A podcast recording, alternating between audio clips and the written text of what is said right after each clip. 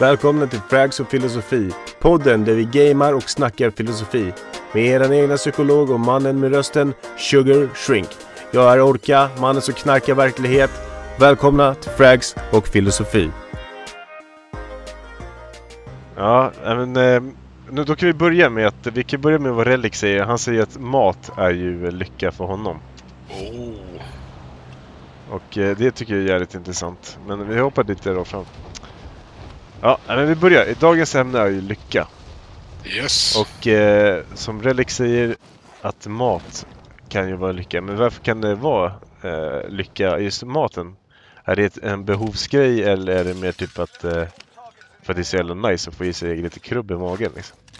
Ja, jag tycker så här. Ehm, först ska ju du och tittarna veta att jag precis kommer ifrån att ha friterat en ohemul mängd kyckling i min fritös. Mm, alltså, Apropå, att, apropå att lycka är mat.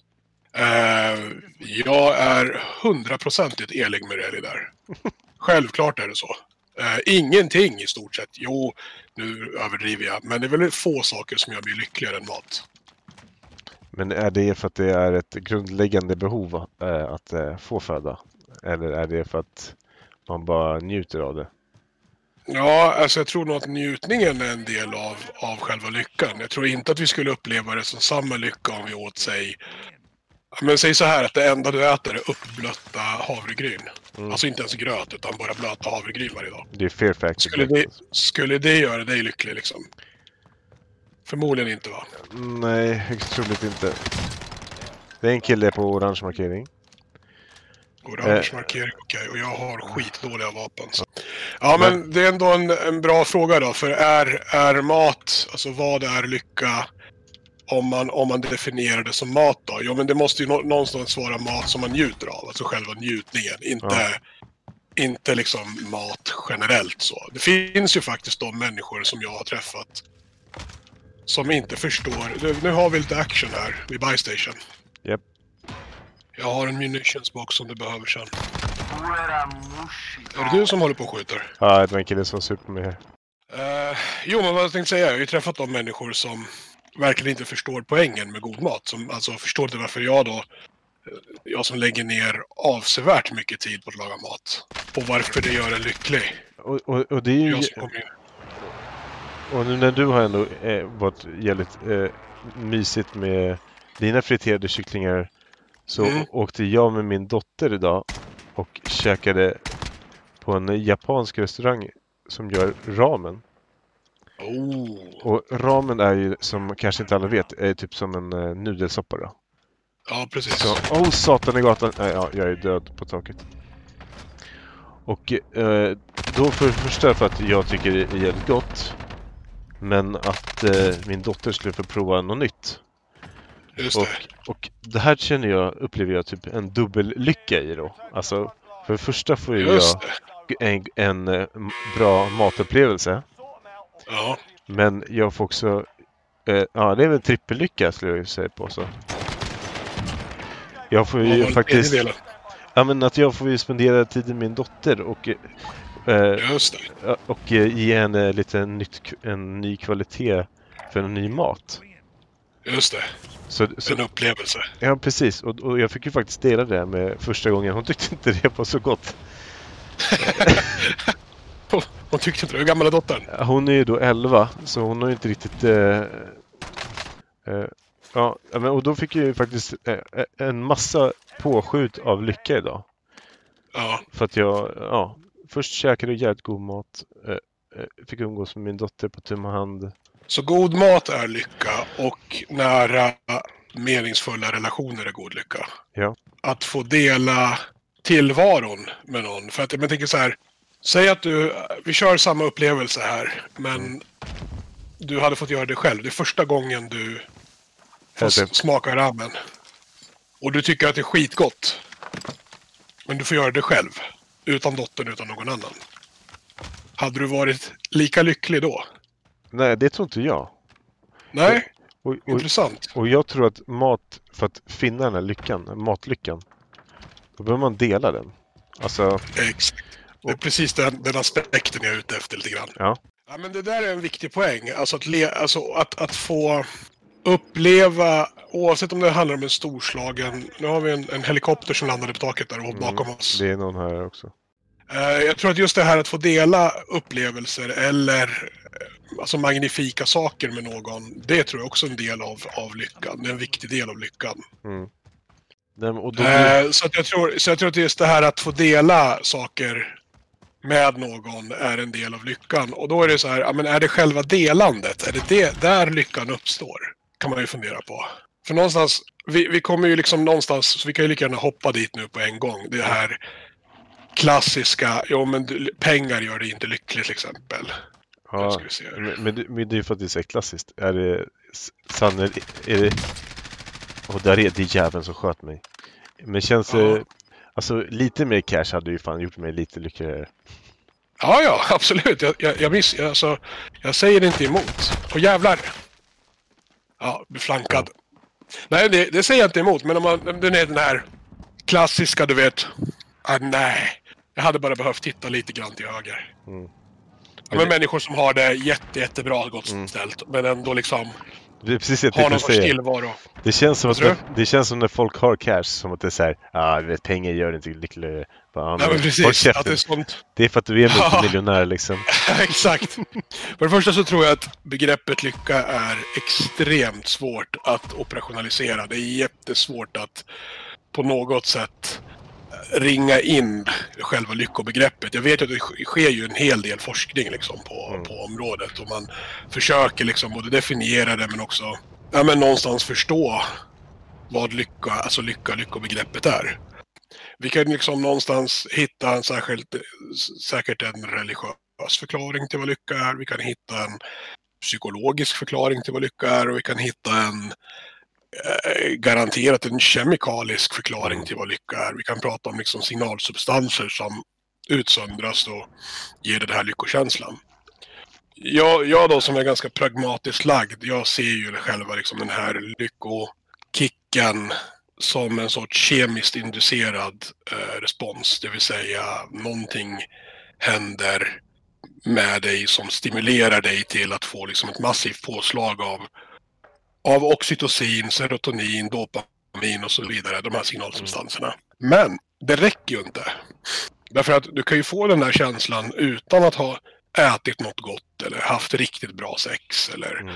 eh, gjort någon hisnande naturupplevelse. Den där känslan kan man ju faktiskt uppleva bara man sitter i soffan och tittar på TV någon gång. Om man kommer tänka på någonting. Har du varit med om det? Att man, eller sitter och gör någonting så här väldigt mm, liksom, vardagligt. Du sitter och kör bil på Ja. väg till jobbet liksom. Och så blir man bara lycklig. Man känner, man, man är, man är i kontakt med en intensiv lyckokänsla. Ja, men jag, hade, jag hade en intensiv eh, lyckokänsla bara häromdagen. Ja. Eh, vilket är jävligt intressant. För att jag är på väg... Barnen precis åkt till, eh, till eh, jobb, eller till skolan och sambon jobbar ju på deras skola. Ja. Och eh, då kände jag bara så här. Eh, Jag, satt, jag satt- stod och, nu kan inte jag sjunga.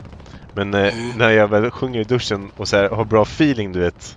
Och man har bra flow. Då får man ju den här känslan och då var jag jävligt Ja. lycklig. Så jag gick, Ja, ju till, jag gick ju till jobbet eh, väldigt så här, lätt och du vet, så här, det kändes som att man vore typ, ja, man gick på luft liksom. Så Och jag, egentligen helt utan, helt utan anledning egentligen. Ja, egentligen. Ja, Jag, jag hade Ja. inte vunnit på uh, Triss eller något sånt där eller precis hoppat, fall, hoppat, hoppat fallskärm eller... Exakt, exakt. På, på något sätt måste vi ändå någonstans sluta oss till att vi människor, ja, vi styrs av ett belöningssystem, ett lyckosystem. Och det här, det här kan vi liksom mata in input i. Vi kan äta gott eller hoppa fallskärm eller vad det nu är som gör att vi får den här intensiva, kemiskt inducerade lyckokänslan. Mm. Men det behövs inte. Utan Nej. vi förmår oss att eller vi, vi är kapabla att få fram den känslan utan någon form av yttre påverkan överhuvudtaget. Det är jätteintressant. Det, det är som ett självförsörjande system. Men jag tror också att man måste ha de uh, kopplingarna i sig själv på något sätt. Mm. Alltså för att bli lite filosofisk här, men jag har lätt att, för att få det här lyckoruset för att jag... Mm. Det är ju massa olika faktorer som kan göra att man känner sig olycklig såklart. Men om jag bara känner mig glad för att jag kanske uppskattar de här små sakerna. Jag kommer ut ur porten, om man nu har en port, och det ösregnar och man bara Alltså fan, det är jävligt schysst när det regnar ändå. Ja, precis. Alltså, och jag tror också det handlar i hur, vart ligger värdet? Alltså, hur värderar jag vissa saker eh, Mm. i stunden liksom? Precis, och det tror jag, det där är nog en, en, en, en viktig poäng. Att, att, och det tror jag väl ändå någonstans, det är väl kanske lite allmängiltigt. Oavsett om du har liksom en ganska vetenskaplig approach på det eller en mer populärvetenskaplig approach på det så tror jag något man är med, eller man, håller man kan hålla med om att det är inte hur du har det utan hur du tar det som, som Ja. egentligen kommer att avgöra hur du mår. Det, Ja, men någon sorts så här gyllene regel, absolut. Det kan jag köpa. Jag vill akta mig för att, alltså så här, ämnet är ju lycka. Jag vill akta mig för att vi kommer in på olycka, för där tror jag att det är lite, jag tror ju inte att olycka, oh, där kom du ja. Mm, tack Jag för den lyckan. olycka, Dörren Ja. facet. en dörr i nyllet. Jag tror inte att olycka per definition är motsatsen till lycka. Det tror jag inte. Utan jag tror att det är två skilda begrepp. Och det, det, vi har folk här. Vi som människor har ett system som vi på något sätt är självförsörjande, som en evighetsmaskin. Beroende på vad som händer i huvudet på en. Eller känslorna. Eh, Relic hade här en, eh, en grej i chatten. Okej. Eh, pengar kanske inte gör dig lyckligare utan mer bekymmerfri. Just det. Och Ja. att det då skulle upplevas som lycka, alltså brist, avsaknad av bekymmer. Mm. skulle vara lycka. Ja, jag kan förstå. Det låter väl som ett rimligt resonemang. Det känns lite tröstlöst bara att så här, ja men lycka är det avsaknad av bekymmer och inget annat. Mm. Liksom romantikern, humanisten i mig vill ju att det ska betyda så mycket mer. Ja, men, och, och det tänker jag eh, angående... är- Ja, du lever? Ja, ja, nej, jag lever inte. Ja, du lever inte. Du får köpa ut mig. Ja. Nej, men om jag tänker på Relics eh, kommentar då. Mm, Lycka. Och jag förstår att det kan vara skönt om man har cash. Då Mm. slipper man tänka så här. Åh Mm. shit, jag har ju det här lånet och alltså, alltså mm. man slipper leva på ex existensminimum. Det, Men tänk, tänk så här då, de här människorna som föds in i ett liv av extrem rikedom som aldrig egentligen någonsin behöver bekymra sig om lån, räntor eller elräkningen och så vidare. De, de, de, det, existerar inte i deras värld. Och så någonstans så kanske man har en fördom om att så här, ja, men människor som Kardashians eller Paris Hilton faktiskt inte är särskilt lyckliga ändå utifrån Alltså nu, nu har jag ju bara massa fördomar såklart. Så Mm, nu, det- Jag har ingen aning. Hon kanske är, Paris Hilton kanske är tre gånger så lycklig som jag är. Jag har ingen aning. Men det är för att de har pengar. Jo, exakt. Måste vara så. så att ja, dagens podd kommer fram till att lycka det är att vara jävligt tät. Ja. Det är det som är lycka. Punkt Klart. slut. Då Klart. slutar Klart! Klart och betart. Ja. Nej, men jag säger jag har, trots att det har varit lite virrigt fram och tillbaka så finns det faktiskt ett resonemang jag vill driva och det är att jag tror att om vi bortser från den här typen av lycka som är triggad utifrån på något sätt. Och, vi blev det skjuten i ryggen? Något, jag fanns Okej. skotthål överallt. Ja. Ja. Jag tror att det finns den här lyckan där som du... ehm, ja, men den triggas någonstans utifrån. Och, och, och av en upplevelse av god mat eller vad det nu må vara. Och där, det skriver jag minst sagt. Alltså, god mat är ju som det är min stora passion. Jag lagar ju mat konstant, alltid. Men så finns ju också den här lyckan som på något sätt triggas av någonting annat, av sig självt. Det här självförsörjande lyckosystemet. Jo, resonemanget som jag hela tiden har försökt driva här men misslyckas med konstant, det är att... Vart tog du vägen? Jag är här. Hur, hur kom du över till den sidan? Man hoppar ju just över grejerna. Akta nu gubbar som kan komma ut. Är att jag tror att lycka, apropå det här då med att du är jätterik och ändå inte upplever lycka, så tror jag att lycka kan kopplas till det som upplevs som meningsfullt. Ja. Alltså en stark känsla av meningsfullhet. Det vill säga, om du inte... spelar ingen roll vad du gör och var du är och hur du mår eller hur mycket pengar du har. Om det inte upplevs som att du gör någonting vettigt eller viktigt. Och där tror jag att det är en, det är en aspekt av lycka som vi kanske missar för det allra mesta. Ja. Att det är inte... Du kan vara fattig, du kan vara rik, du kan vara fattig och vara lycklig, du kan vara rik och vara super, superlycklig också. Du Ja. har, jag, skulle, jag, skulle, jag skulle vilja driva det här resonemanget. lycka har ingenting med det, de yttre omständigheterna att göra. Jag tror att du är lika förmögen att känna lycka oavsett yttre omständigheter om du upplever meningsfullhet i tillvaron, Ja. i, det, i det dagliga. Där kan jag nästan eh, hålla med. Ja. jag, jag lyssnade på en eh, annan grej här för några dagar sedan. Det var en kille som eh, han hade någon eh, föreläsning för, för några indiska ingenjörer. Och då pratade de om just happiness. Då. Och, Mm. och då sa de så här, ja men om, jag säger exemplet till dig då som man sa till den Mm. personen. Så, Ja. så Sugar, om, om, om, jag, om du skulle önska vad du skulle göra dig lycklig och jag, kun, Ja. och jag sitter en möjlighet, möjlighet att kunna ge det till dig. ja, Eh, vad eh, hade du önskat? det kanske är väldigt symptomatiskt en människa 2020 att ens behöva börja fundera på den frågan. Men jag, kan, jag kan Eh. fortsätta om du vill inte orkar svara. Ja, Ja. jo, jo, nej, men låt mig tänka bara. Ja. Vad skulle göra mig lycklig? Alltså det som gör mig lycklig det är ju den här känslan av livet på något sätt. Utan att ha ett riktigt bra svar just nu så skulle jag kunna säga... Ja, fortsätt prata. Nej, men så summa, summa summarum då. Eh, det jag tror att jag som skulle göra mig lycklig det skulle nog vara just den här... Ett läge där jag inte behöver oroa mig för att det ska gå bra för mina barn eller liksom att min Ja, jag dog. Partner riskerar att råka ut för någonting. Alltså det tror jag. Det är den känslan. Att man Mm. sitter och delar bara livet, tillvaron, en bekymmerslös tillvaro. Och för den skull då kanske inte helt utan utmaningar. Mm. Därför att det tror jag också måste finnas i livet. Eh, men det tror jag, det, det är vad jag som skulle göra mig lycklig. Apropå din fråga då, om Mm. du kunde ge mig det, kan du det? Eh, Ja, logiskt sett så kan jag inte ge dig vad, vad som skulle göra dig lycklig. Nej. Men eh, eh, här var ju argumentet då eh, för att han säger om, du, om du önskar dig någonting och då, jag kan ge dig till dig na, alltså nu direkt. Mm. Och så då blir det så här, ja men eh, jag önskar mig en bil. Ja, äh, här har du en bil. Ja, men då önskar jag mig eh, pengar. Ja, här har du pengar. Mm. Och, och det här kan vi göra tills du har allt du vill ha. Mm. Och, och, då, och då sa han så här, okej, vad gör vi? Vad, vad händer när du har allting du vill ha? Då satt ju den här eleven då och var så här, oh shit, jag har ingen aning alltså. För att han, han blev så här, ja men fan nu har jag allt. Jag har alla typ material, materialgrejer jag vill ha. Precis. Och jag, alltså jag har allting som jag drömt om liksom. Och, eh, och då sa han så här, okej, och vad, hur, vad gör människan eh, när vi har allting vi vill ha? Då sa han så här, den här killen som jag lyssnade på, att när du har allting som du vill ha, då vill du börja liksom mentalt tänka, vad vill jag ha själsligt? Mm. Och det kan bli så att till exempel att du vill utöka din mentala närvaro.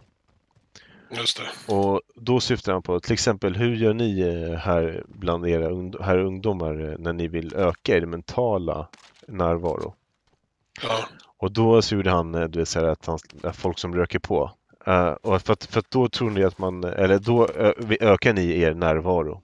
Och då sa han så här, men hur ökar ni er närvaro då? just när ni provar ta det där?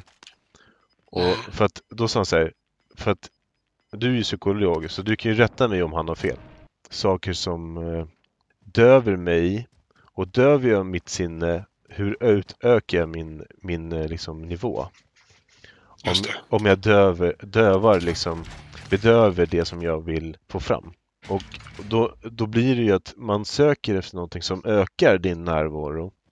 Men du tar in någonting i din kropp som sänker, alltså, Bedövar dig. Som lägger dig lägre mentalt. Jag fattar. Alla som eh, vet här, så här vart, är den, vart finner man den största kemikaliska fabri- fabriken på jorden? Ja, det, Sa han. eh, på jorden? Ja, hjärnan då? Ja, då sa han hjärnan och eh, din kropp. Så vi behöver inte ta in oss massa grejer. Vi måste bara, som du sa förut, vi måste söka mening, alltså någonting som är meningsfullt. Exakt. Och, och då sa han så här, och det är därför jag sitter här idag. Och då, Ja. satt, då satt jag och hade en föreläsning framför de här ingenjörerna. Och för Ja. mig, då sa han så här, för mig är det här meningsfullt att jag får prata med er och på sätt så lär jag mig och, och ni kanske lär er någonting också. apropå det jag pratade om, meningsfullhet och, eh, och eh, att det måste kännas meningsfullt i vardagen och sådär. Vi har ju de här tankarna som kommer egentligen från Österlandet, bland annat buddhismen och hinduismen som lägger mycket fokus på medveten närvaro. Du som eh, sitter väldigt mycket kunskap om hjärnan och sådär. Är det det han säger, är det någon sanning i det? Jag tror att, jag tror, ja gud, det är jättemycket sanning i det. Eh, det tror jag absolut. Eh, men jag tror också att det är väldigt, väldigt individuellt vad och hur du hittar lyckan. Därför att Mm. det han säger också, det får vi inte glömma bort. Objektivt, ja det stämmer. Men det finns inte bara en sanning här kring hur du når dit för att vi är så pass individuella. Och det här med känslan av meningsfullhet, känslan av medvet medveten närvaro, att kunna vara i en sorts flow eller i nuet, Mm. är en träningssak. Det får vi inte glömma bort. Det är inte så att vi per automatik är utrustade att kunna känna den typen av känslor. Det är Mm. någonting man faktiskt ibland måste träna sig på också. Men, men det finns en annan aspekt av det här som jag tycker också vi, vi tappar bort lite grann när vi pratar lycka, olycka etc. Det är att det finns en sorts uppfattning om att livet ska vara så himla lyckligt hela tiden. Men, men jag tror att man Utan blir, livet, livet är ju skitjobbigt stundtals. men jag tror också att eh, för att få lycka så måste man ha lite kämpigt. Alltså man måste ha motgångar som Ja. man jobbar ihop. Annars blir det ju inte... Annars är det någonting som inte riktigt stämmer liksom. Eller? Ja. Eh, eh, Har jag fel? Ja men så är det. Och, och jag tror så här att när vi pratar liksom så här lite grann... Nu händer det någonting här. Nu kommer de.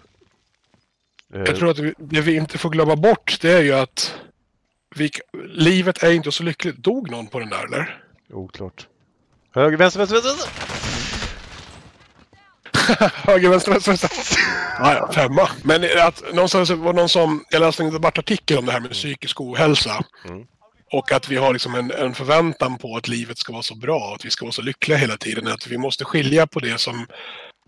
När vi pratar psykisk ohälsa så blir det så lätt att vi klumpar ihop allting som, har, som gör ont i livet. Och så, så liksom betraktar vi det som psykisk ohälsa. Men psykisk ohälsa är allt från djupa, djupa depressioner och, och liksom schizoaffektiva sjukdomar och liksom psykossjukdomar till en känsla av meningslöshet eller att du inte är lycklig i livet eller där du är. Och det är ett jättestort begrepp liksom. Mm. Så det vi behöver göra är att skilja på egentligen det som han kallade, om vi, gör det, om vi, om vi jämför med den somatiska vården, alltså den medicinska vården, att ja, men det är skillnad på ett skrubbsår och ett benbrott. Mm. Vi behandlar inte, båda kan ju göra ont och båda kan ju vara riktigt jobbiga och upplevas fruktansvärt jobbiga av de som, som, som råkar ut för dem. Så Ja. det finns liksom ingen värdering i vad som är värst här, utan du kan ju faktiskt uppleva ett skrubbsår som, som ganska hemskt. Eh, Ja, alltså- därför att det är det som är dina referensramar. Jo, men också att är det ditt första skrubb... Alltså, är, har du gått tio år och det är första skrubbsåret du får och det är Exakt. första gången du är illa, Exakt. Alltså då känns det Exakt. säkert jävligt eh, tradigt alltså. Absolut. Jajamensan. Samma sak om du liksom råkar bränna dig på någonting och aldrig har bränt dig förut. Då Mm. kommer du uppleva det som att oj, oj, oj, nu, nu är det här jättehemskt. Vårt jobb som psykologer är ju att försöka normalisera och försöka bena i vad som är ett skrubbsår och vad som är ett benbrott. Det tycker jag det är en ganska viktig aspekt och att vi skiljer på själens skrubbsår och själens benbrott. Skrubbsår är normalt. Det är, det är en del av livet. Det är en del av livet att, det, att, att du kanske förlorar din stora kärlek för att kärleken tar slut. Mm. Det är en del av livet att du kommer att mest troligt under din levnadstid förlora dina föräldrar. Eller att du tappar kontakten med en god vän. Eller att du inte får drömjobbet som du har velat Ja. ha. Jaha, är det en hagelbössa med snipersikte? Ja, men tack Ja. för det. Det känns ju rimligt också. Så att där, även om sådana upplevelser gör ont så är de en del av livet och är att förvänta av ett normalt liv. Ja. Du säger ju så här, sa ju du, att jo, men man kanske inte känner igen lycka om man inte har upplevt olycka. Nej, så kan det ju vara, absolut. Mm. Det kan ju absolut vara så. Eh, men framför allt så kommer ju den, den typen av händelser mest troligt att upplevas av människor oavsett vilken inställning de har till det. Det är en del av livet, det är sånt som händer helt enkelt. Det är inte kul när du är 18 år gammal till exempel och så, tar, och så gör den här killen slut som du har varit jättekär i eller tjejen gör slut. Och du kommer uppleva det som att livet, ditt liv är över för att du liksom kanske inte slog igenom i din Idol-audition just den här gången. Och det är den här gamla klassiken Vad som inte härdar eh, make you stronger, vad heter den? Ja men precis, det som inte dödar är härdaren. Men vi har flera tittare som... Eh, eh, vi har eh, eh, Simona som skriver att laga mat gör mig lycklig. Och, Och, och, och, att det, personer. ja, och att det är uppskattning, att, se, alltså, att, att lyckan att se familjen. När man Mm. lagar mat då antar jag. Det är ganska intressant att det är den andra nu som skriver i eh, kommentarerna att mat och matlagning. Hörru, det verkar vara ganska mycket folk där. Vi får nog välja ett annat ställe tror jag. Ja, men vi pumpar upp det Hur långt har du kommit? Ja, det där blir bra. Där någonstans. Ja. Eh, Det är ganska intressant att många kopplar det här med lycka till mat. Alltså oavsett om det handlar om att laga mat eller att äta god mat. Eh, Ganska talande tycker jag. Men och, och, om vi tar lycka, alltså själva konstellationen att äta mat Mm. och människor. Och Mm. jag tror att det, det, det bästa sättet att känna, lära sig känna någon är ju att bjuda Mm. på middag. Ja, ja, gud ja. Eller, eller bara ha en casual eh, liksom, eh, matstund. Ja, ja. Gud ja. Och det är ju för att mat, alltså mat symboliserar ju så, så mycket mer än bara ett födointag eller ett näringsintag. Det Precis. symboliserar ju gemenskap, överlevnad för arten. Det sy- sy- symboliserar ju tillhörighet. Att sitta och dela en måltid, det är ju inte en tillfällighet att, att eh, det heter att man bryter bröd med någon eller att man i skrifterna så här, jo men du har ätit av mitt salt. Eh, fa- fanns ju så här att om man har ätit i någons bostad eller boning, ja men då kan man till exempel inte förråda dem. Att det finns alltså ett hedersbegrepp där i.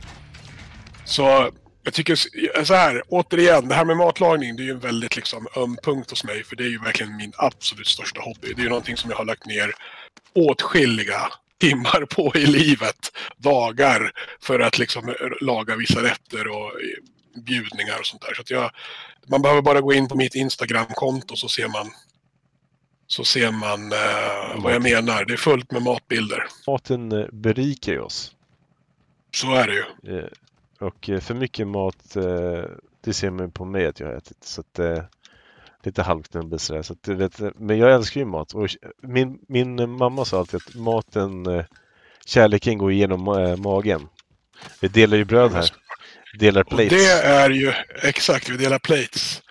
Och vilket är kul då, för plate är ju faktiskt, kan ju också betyda tallrik på engelska. Precis. Här är Så kontakter. nu pratar... Okej, peka, när, var, ja. Eh, det såg ut som att han hoppade upp. Han lär ta den där även så att det skulle stå och vänta på dem eller? Laga mat och familjen och just den känslan då, att avnjuta en god måltid tillsammans med människor som man tycker väldigt mycket om.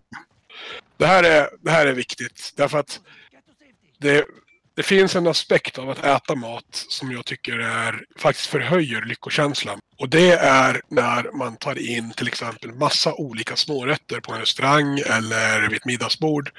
Och så du vet så här, man äter något gott och så bara åh, det här måste du smaka på. Och så liksom går man fram med skeden över hela bordet och Mm. liksom matar den man tycker om. Förstår du den här känslan? Som att du måste smaka den här vårrullen eller den här champinjonen var så grymt bra eh, marinerad eller titta vilken perfekt köttbit jag har här.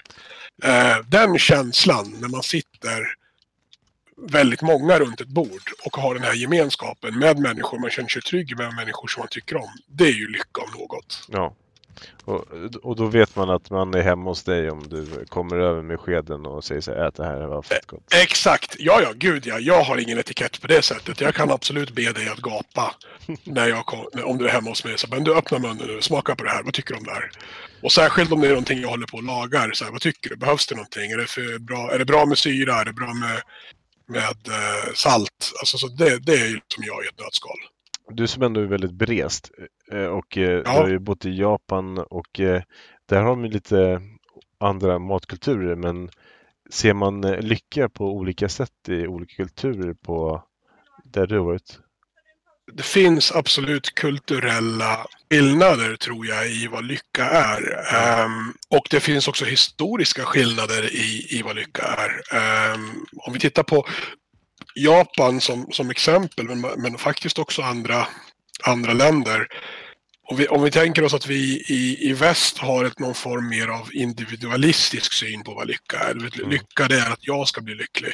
När jag föreläser så brukar jag prata om hur målgester i fotboll har förändrats eh, de senaste 10-20 åren. Mm. Och du vet när en fotbollsspelare gör mål.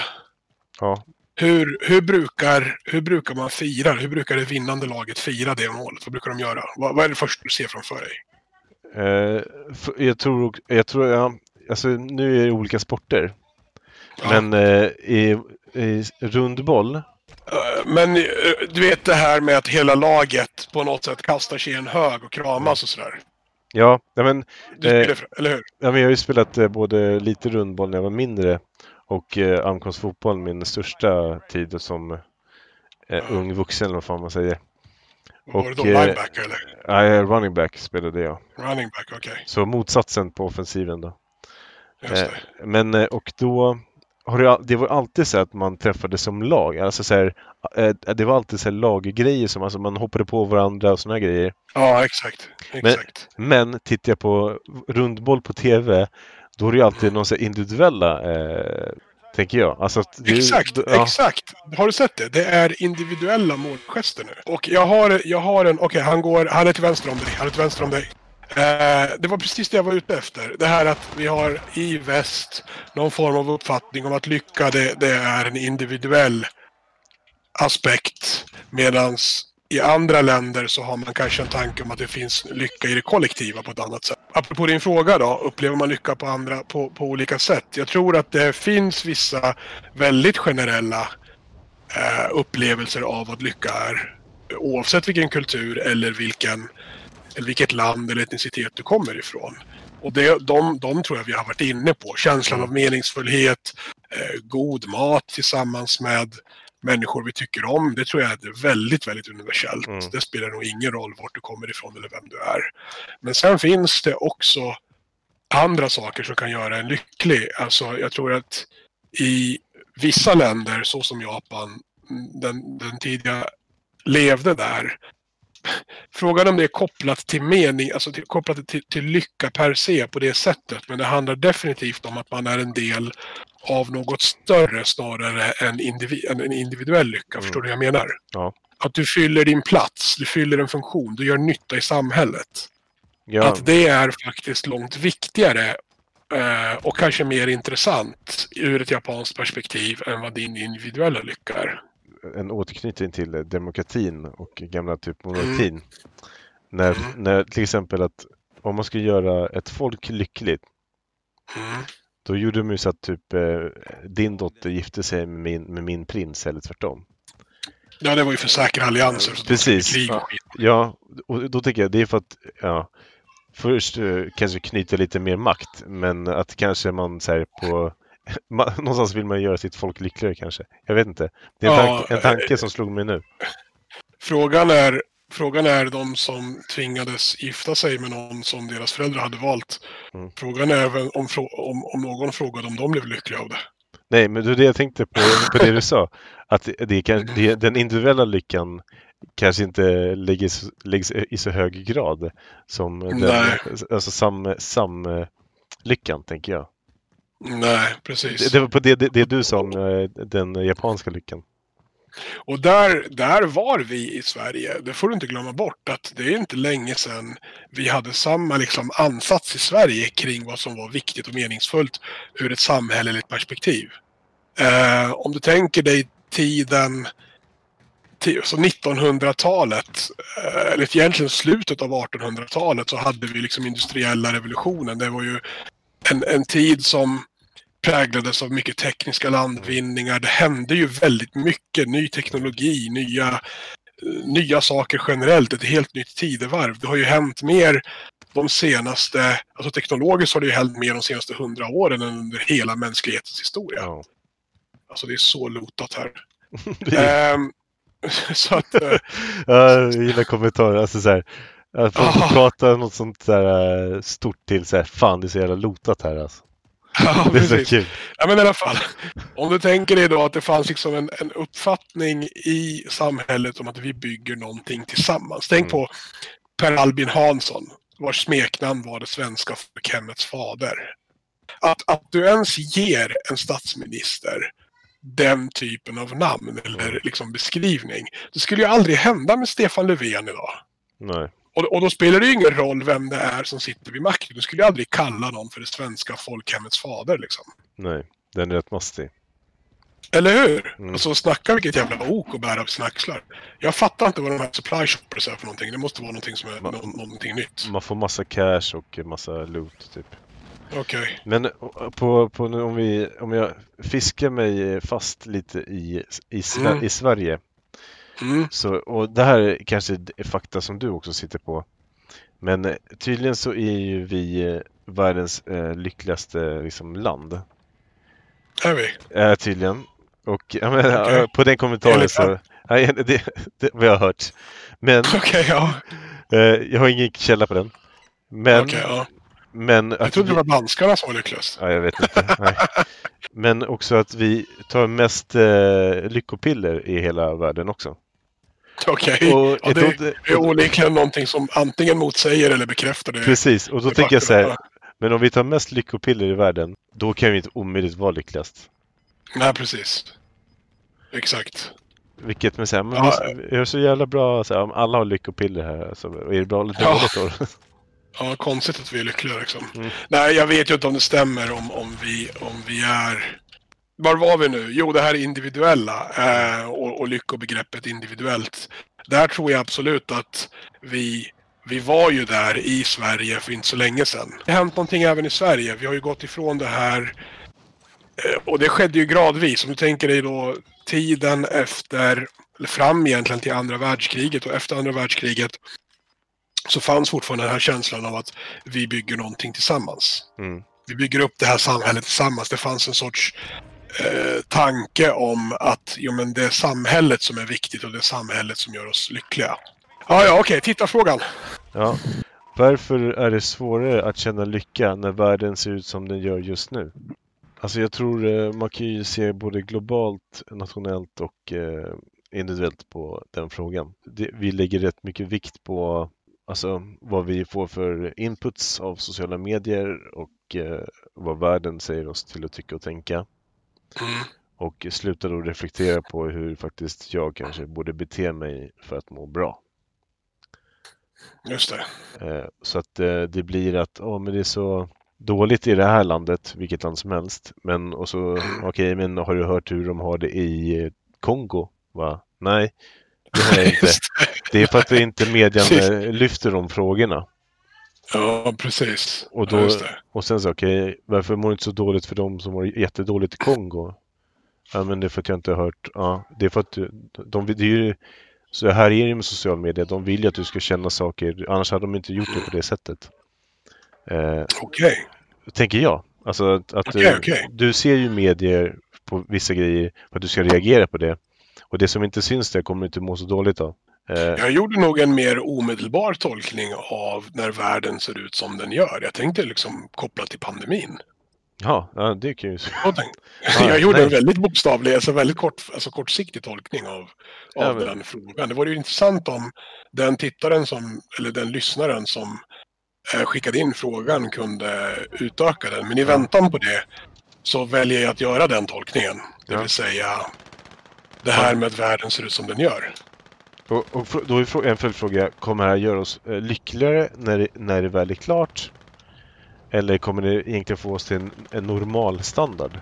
Det jag tror är oavsett vilket, förutsatt att vi får ut ett vaccin och omvärlden börjar leva upp igen, så tror jag att de fester vi kommer att få se år 2021, de har vi nog inte sett ever tror jag.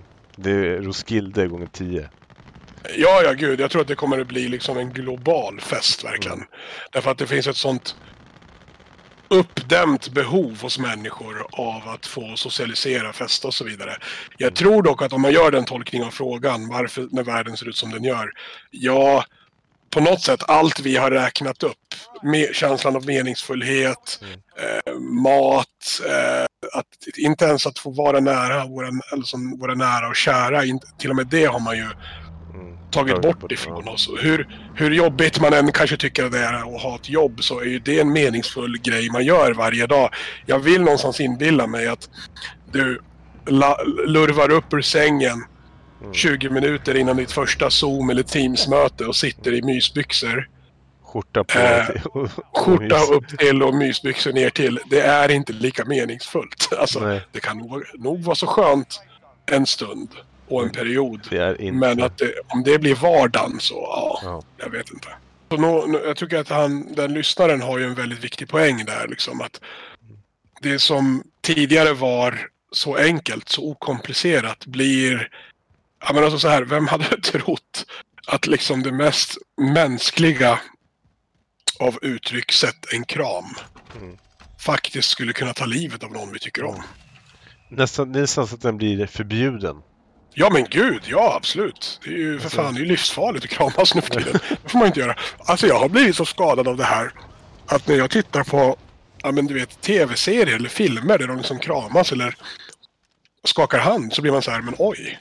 Så får man inte göra. Det där är ju tabu liksom. Man får inte, får inte krama folk. Det går titta, inte. Titta, titta, vad är det för jävla serie? De sitter och kramar sig. Ja, men exakt, exakt. Man blir så lite dömande liksom. Och apropå sociala medier så vet jag ju många vänner och, och, och, det här är klassiska, så här, en kompis till mig. Jaha, den där. Ja, ja, ja. precis, exakt så. En kompis till mig har... Vad, vad, tycker din kompis som inte du tycker? Jo, min, min, min kompis har upplevt att eh, man vill liksom inte lägga upp saker på sociala medier Det känns skamfyllt att lägga upp saker på sociala medier. Ja. Eh, där du gör någon form av social aktivitet. Där man tidigare liksom ville skylta med att men nu är jag ute och har en kul trevlig stund med mina polare. Det försöker man snarare dölja undan därför att man vet att det är förbjudet och man orkar inte inte träffa sina vänner. Nej. Någon gång måste man väl för fan få äta middag tillsammans liksom. Men man lägger inte upp det på sociala medier längre. Nej, för att man är rädd för trycket. Att folk ska döma en. Och, och, och jag tänker, nu blir det att man blir fan olycklig på, på den nedtryckningen. Liksom. Men så är det ju. Så är det ju. Jag tycker det var en bra spaning av lyssnaren här. Ja. Sen jag tror jag vi måste nästan landa i så här att lycka är... Det finns kulturella saker som håller ihop lyckobegreppet. Det finns kulturella som särskiljer det. Individuella, kollektiva. Eh, och jag tror att man ska liksom också vara försiktig med att säga så att men vad är, vad är rätt eller fel? Alltså hur, mm. Vi kan inte värdera lycka på det sättet. Det är så otroligt subjektivt och så otroligt individuellt men också kulturellt och kollektivt vad lycka faktiskt är. Ja, men jag tänker precis som du sa, det, det, det är så brett. Ja. Alltså, lycka för dig är kanske inte samma som mig. Exakt så. Trots att det bevisligen att du har rätt mycket intressen som är sammanfogande. Exakt. Eh, men alltså det, och det, det är det som jag tror är svårast att också det där med att man ska finna lycka och, och, och när folk säger det är vanligt så här, men jag, jag vet inte, jag är så olycklig just nu. Eh, mm. hur Kan du hjälpa mig med lycklig? Ja, men precis. Okej, men eh, vad blir du lycklig av? Ja, men jag vet inte. Ja, men hur, ska, hur ska jag veta vad du blir lycklig av? Och, och, och då blir det ännu så här, det blir ännu större fråga för att jag vet vad jag blir lycklig av. Jag kan inte, och det är omöjligt för mig att veta vad någon annan blir lycklig av. Mm. Om jag inte då typ ja, går till någon psykolog och de får, ja det här tycker du är jättekul, jag får inte provat det här för. Alltså förstår du? Mm. Ja, men jag tror också så här att jag, återigen då som, som psykolog jag tror nog så här. Ja, du kan ju ha en from förhoppning om att du kan gå till en psykolog och psykologen ska berätta för dig eller hjälpa dig förstå vad du blir lycklig av. Mm. Om du kommer till mig som psykolog så kommer, jag, så kommer jag nog säga någonting i stil med vända mål att vara lycklig då. Alltså var, varför, alltså varför? Var, alltså, varför var, du är olycklig för? Exakt, var, mm. eller så här. Är det så konstigt att nu har vi en dropp här? Okej. Okay. är det så konstigt att vi är olyckliga om vi lever en tillvaro som kanske inte är meningsfull? Vi kanske, det är kanske är det vi ska göra istället för att börja söka lyckan. För att Mm. någonstans får vi inte glömma att vi förväntas ju vara lyckliga också. Ja. Det finns ju en fälla i det här, en, en, en förväntan om att jo, men livet ska vara på ett speciellt sätt. Du ska vara lycklig. Du, ska, du vet de här paren, jag har alltid reagerat på sådana par som lägger upp så här fruktansvärt mycket bilder på sig själva, hur kära de är. Ja, eh, det är Och, det, och, och då tänker jag så här, undrar vad det där står för egentligen. ja, hur, hur olyckliga är de egentligen? Nej, men alltså kanske i alla fall att man... Jag, jag tror inte alltid på fasad. Nej, förlåt, nu kanske jag var elak. Man ska inte, man ska inte värdera folks liv. Men du, vilket intressant eh, ämne. Eh, det här med lycka. Jag tänker att vi alldeles strax ska avrunda det. Och som sagt till lyssnarna. Jättegärna ta emot feedback. Själv skulle jag nog bli vansinnig om jag satt och lyssnade på det här. Eh, upphackade stunder när det händer grejer i spelet. Men, men det är också lite nischen.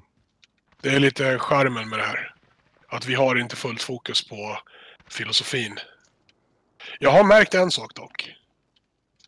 Det går alltid bättre för oss när vi spelar och pratar filosofi än när vi inte gör det.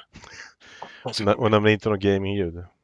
Första gången vi gjorde det här, då, hamnade vi, då, då landade vi tvåa. Jag tycker, jag tycker att vi redan nu ska bestämma att om vi under Frags och filosofi blir etta någon gång, då måste vi fira på något lämpligt sätt. Han är på taket. Ja. Alltså, femma. kan de bara ta bort den där jävla eh, supernissen på taket? Ja. Uh, Yes. Ja, nej, men- Summa summarum, lyssnare, ge oss gärna feedback. Eh, kom gärna med förslag på ämnen. Och ha tålamod med oss. Ja, eh, nu eh, skrev Relic till dig. Sugar kallade paus för dramatic effect. När det blir helt tyst i några minuter för skjuta någon istället. Skri- skriver han det i, i Ja, din jag skrev- stream? Ja, i chatten. Du ser att man ska sammanfatta dagens streampod. Att lycka, att hitta meningsfullhet, Mm. familj och mat har ju varit eh, största och första. Och särskilt, säkert finns det en hundratal saker till som vi inte har berört. Men jag tror att det är väl ganska talande att när vi talar om lycka så är det de här sakerna som dyker upp. Och det kanske säger mest, absolut allra mest saker om dig och mig, tänker jag. Ja, och lycka är ju eh, helt individuellt också. Ja, Apropå lycka. apropå lycka, familj och Ja. min älskade sambo. Ja, Just det. Ja. Ja. Tack för idag. Ja, tack för idag och tack för alla tittare, alla följare. Yes. Eh, tack till eh, Frag Delivery som hjälper och stöttar och hela den familjen. Japp. Uppskattar det verkligen. Och eh, jag Ta hittade ju, hittade också Sugar Shrink där så att, eh,